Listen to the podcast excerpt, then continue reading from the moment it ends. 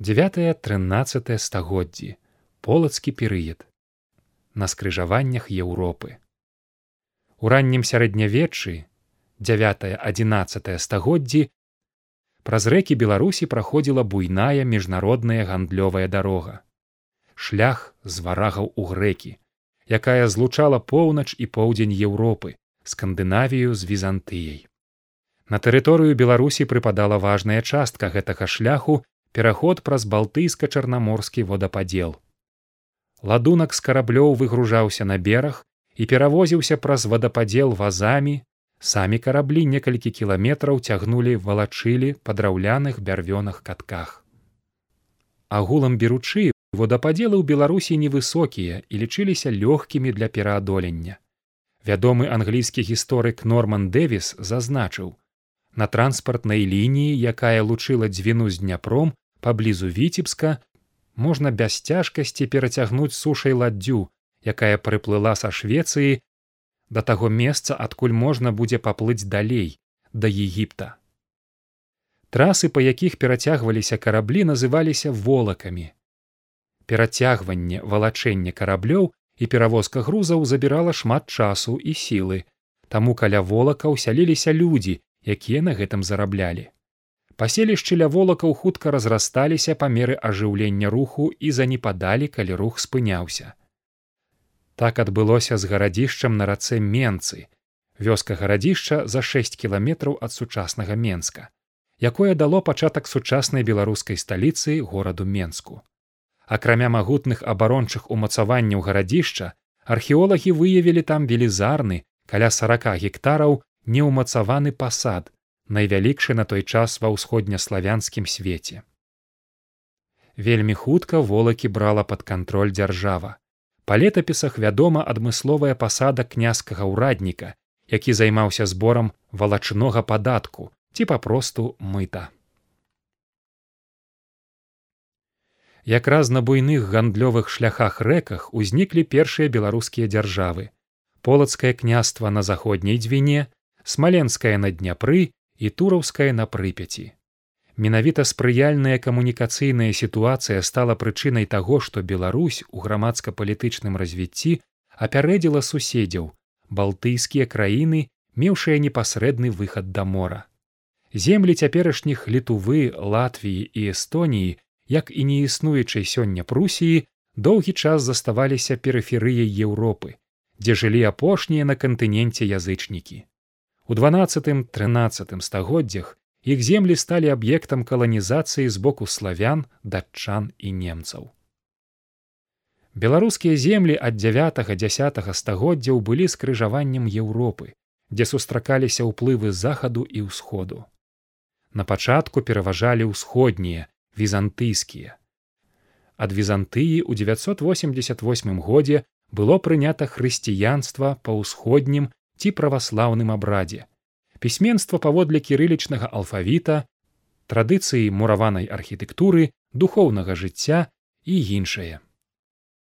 А вось асновай грашовай сістэмы па ўсёй усходнеславянскай прасторы у дзявятым дзясятым стагоддзях стала манета арабскага халіфата тагачаснай вялікай краіны на блізкім усходзе. Манета называлася куфічны дзірхам. Дзірхам ад грэцкай драхмы куфічны ад стылю пісьма, якім выконваліся надпісы на манетах. Найбуйнейшы скарб дзірхамаў ва ўсходняй Еўропе быў знойдзены якраз на шляху з варагаў у грэкі у 1973 годзе каля ўскраіны полацка. Ён быў такі вялікі, што даследчыкі не прыдумалі іншай версіі, акрамя як звязаць ягонае паходжанне з шайкай разбойнікаў, якая прыхавала сваю здабычу, але не змагла па яе вярнуцца. Частка скарбаў, невядома якога памеру, была раскрадзена адразу пасля адкрыцця, а ацалелыя для навукі 7599 манет захоўваюцца ў полацкім музеі запаведніку. Залежы срэбнай руды на тэрыторыі халіфата хутка вычарпаліся, і ад пачатку 11 стагоддзя на Русь пайшла плынь срэбра з іншага боку, у выглядзе еўрапейскай манеты дэнарыя, сярод якой пераважалі германскія пфенінгі але прыток срэбра з захаду таксама хутка спыніўся і каля сярэдзіны 11 стагоддзя на землях усходніх славян пачаўся гэтак званы безманетны перыяд, які цягнуўся ажно да 14 стагоддзя. Адно што для буйных гандлёвых аперацый выкарыстоўваліся важкія зліткі срэбра. Грыўны вагой 100-110 грамаў, называныя ў спецыяльнай літаратуры літоўскімі ці заходнерускімі, гэта значыць беларускімі. Вядомая з глыбокай старажытнасці гульня ў шахматы, насуперак распаўсюджанаму меркаванню прыйшла да ўсходніх славян не з азіі а з заходняй еўропы і па дарозе найперш трапіла ў беларусь. Калі глянуць на карту знаходак сярэднявечных шахматных фігурак ва ўсходняй еўропе то відно што абсалютная большасць іх паходзіць з беларускіх земляў. Беларускія майстры рэшчыкі творча перапрацавалі еўрапейскія ўзоры і стварылі ўласны адметны стыль шахматных фігурак. Самая старажытная шахматная фігурка знойдзеная на ўсходнеславянскіх землях паходзіць са старажытнага менска сёння вёска гарадзішча і датуецца адзінацатым стагоддзям не дзіва што пры такой выгоднай камунікацыі менавіта з беларускіх земляў паходзяць першыя помнікі пісьменства ўсходніх славян. Надпіс першай чвэрці дзясятага стагоддзя з аднаго слова гороухіца азначае верагодна гарчыцу. Выдрапаны на керамічным начынні карчазе амфара з прычарнамор'я знойдзенай у кургане под смаленскам. Другі з найстарэйшых надпісаў змешчаны на пячатцы полацкага князя ізяслава датуецца канцом десятого стагоддзя. Полацк належаў да трох найважнейшых цэнтраў усходняга славянства разам з кіевам і вялікім ноўгарадам дзе ў адзінацатым стагоддзі былі ўзведзены велічныя хрысціянскія саборы святой сафіі мудрасці божай.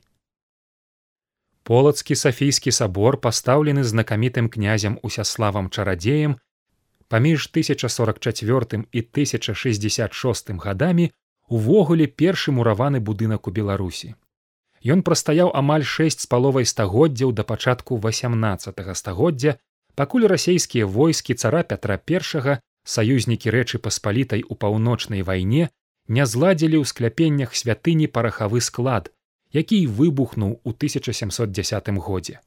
Ацалелыя часткі муроў месцамі да некалькіх метраў вышынёй былі ўключаны ў сцены адноўленага сабора адбудаванага паводле распаўсюджанага на той час архітэктурнага стылю віленскага беларускага барока У дванаццатым стагоддзі ўвесь еўрапейскі кантынент перажыў уздым гаспадарчага жыцця і хуткі дэмаграфічны рост. Буйныя дзяржавы распадаліся на шматлікія меншыя, якія зацята трымаліся сваёй незалежнасці. Ва ўсходніх славян гэтае стагоддзе адзначылася сапраўдным бумам мураванага будаўніцтва. На аснове візантыйскага архітэктурнага канона утварылася каля дзясятка мясцовых школ архітэктуры, у тым ліку тры на беларускіх землях полацкая смаленская і гарадзенская.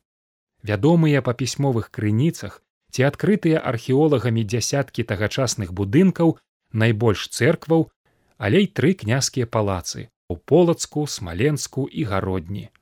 На жаль амаль усе яны сёння ляжаць у руінах пад зямлёй пахаваныя пад пластамі культурнага слою.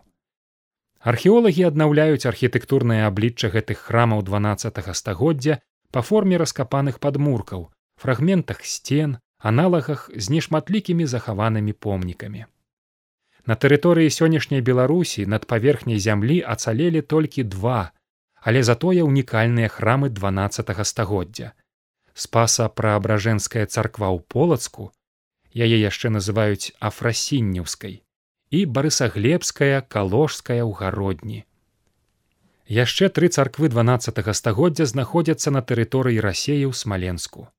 Адна з самых вялікіх страт у беларускай гісторыі страчаны полацкі летапіс. Праўда, застаецца верагоднасць, хоць і невялікая, што ён можа знайсціся. Асноўная маса інфармацыі пра полацкае княства здабываецца даследчыкамі з летапісаў і хронік суседніх краін і з дапамогай археалогіі археалагічныя даследаванні выявілі сведчанні значнага пашырэння пісьменнасці ў сярэднявечных беларускіх гарадах якіх у дванаццатым стагоддзі налічвалася каля трох з паловай дзясяткаў Праўда іх памеры не параўнаць з сучаснымі большасць мела каля двух-чатырох тысяч жыхароў. Падчас навуковых раскопак адкрытая вялікая колькасць самых аб'ектыўных крыніц, матэрыяльных рэчаў, звязаных з працэсам пісання і чытання. Гэта ручкі пісалы з металу ці косці, таблічкі да пісання, пакрываліся слоем воску, па якім і прамалёўвалі літары. За шпількі кніжак, а таксама графіці, надпісы выдрапаныя на сценах цэркваў і побытавых рэчах. Полацк у 11-12 стагоддзях быў адным з самых буйных культурных цэнтраў Беларусі і ўсяго ўсходняга славянства. Па велічыні тэрыторыі і колькасці насельніцтва ён належаў да вялікіх еўрапейскіх гарадоў. Адных мураваных цэркваў у ім дзейнічала больш за дзясятак. У старажытнай беларускай сталіцы жыла і працавала святая афрасіння полацкая, княжна працлава, годы жыцця з 1104 па 1167, якая прыняла манаскія шлюбы і прысвяціла жыццё асвеце ды дабрачыннасці. Між іншым афрасіння стварыла школу для дзяўчынак ці не адзіную на той час у Еўропе. Яшчэ яна фундавала будову спаса праабражэнскай царквы, На яе замову ювелір Лазар Богша у 1161 годзе стварыў на прастольны крыж, выбітны твор мастацтва і галоўную святыню Беларусі, называны крыжом святой афрасінні. Летам 1941 года ў пачатку германа-савецкай вайны крыж быў вывезены ў эвакуацыю ў Маскву і дагэтуль у Беларусь не вернуты. Спасапраабражэнская царква збудаваная дойлідам і ааннам лічыцца наватарскай для тагачаснай архітэктуры. Яна адзіная ў краіне пабудова дванаццатого стагоддзя якая ацалела да ўзроўню перакрыццяў уся ўнутраная паверхня сцен храма ад падлогі да верху купала пакрыта унікальнымі фрэскамі сярод якіх даследчыкі выявілі верагодную выяву святой афрасінні у амаль некранутым выглядзе ацалелі келлі у якіх маліліся афрасіння і яе сястра. Шырокую вядомасць ва ўсходнеславянскім свеце атрымалі тагачасныя прапаведнікі і літаратары кірыла тураўскі клімент смаляціч аўрамій смаленскі. У дванаццатым стагоддзі беларускія землі закрануў агульнаеўрапейскі працэс феадальнай раздробленасці. Полацкая, тураўская, смаленская княствы распаліся на некалькі невялікіх самастойных дзяржаў княстваў, якія зацята сапернічалі і ваявалі між сабой. Палітычнаму драбленню спрыяў па-першае хуткі рост колькасці насельніцтва і адпаведна развіццё эканомікі, асновай якой у сярэднявеччы з'яўлялася самадастатковая сельская гаспадарка. Мясцовыя супольнасці, якія павялічыліся колькасна, былі ў стане пракарміць і забяспечыць уласных князёў. Па-другое з-за цяжкай камунікацыі пры практычна поўнай адсутнасці дарог акрамя рэк моцна ўскладнялася арганізацыя ваенных паходаў. Хоць праз гэта мясцовыя супольнасці былі ізаляваныя але пачуваліся ў адной бяспецы. У сярэднявеччы казалі што ўлада манарха сягае настолькі далёка наколькі дасягае ягонае войска полацк у другой палове дванаццатага першай палове трынаццатага стагоддзя заставаўся найбуйнейшым горадам краіны, але ўжо не быў сталіцай вялікай дзяржавы, а толькі цэнтрам аднаго з удзельных княстваў. Таму ў самым пачатку 13 стагоддзя яму не хапіла сілы, каб выбіць з прыбалтыкі немцаў, якія стварылі там сваю калонію і перакрылі полацкім купцам выхад у балтыку праз дзвіну. Нямецкі анклаў ва ўсходняй прыбалтыцы пад агульнай назвай лівонія ці інфлянты на стагоддзі стаў суседам беларусаў і істотным палітычным чыннікам у рэгіёне. У 1201 годзе немцы заклалі каля вусця дзвіны горад рыгу сённяшнюю сталіцу латвіі. Калі супраць немцаў не дапамагла зброя, полацкі смаленск пачалі з імі дамаўляцца. А тыя ўжо былі прывучаныя складаць дамовы і акты на пісьме і настойвалі, каб фіксаваць іх на паперы ці пергаменце па-нямецку і па-русінску. Дзякуючы гэтаму маем першыя пісьмовыя помнікі сведчання беларускай гаворкі, спецыфічныя рысы якой даследчыкі выявілі ў гандлёвай грамаце дамове смаленскага полацкага і віцебскага княстваў з рыгай і нямецкімі гарадамі з 1229 года.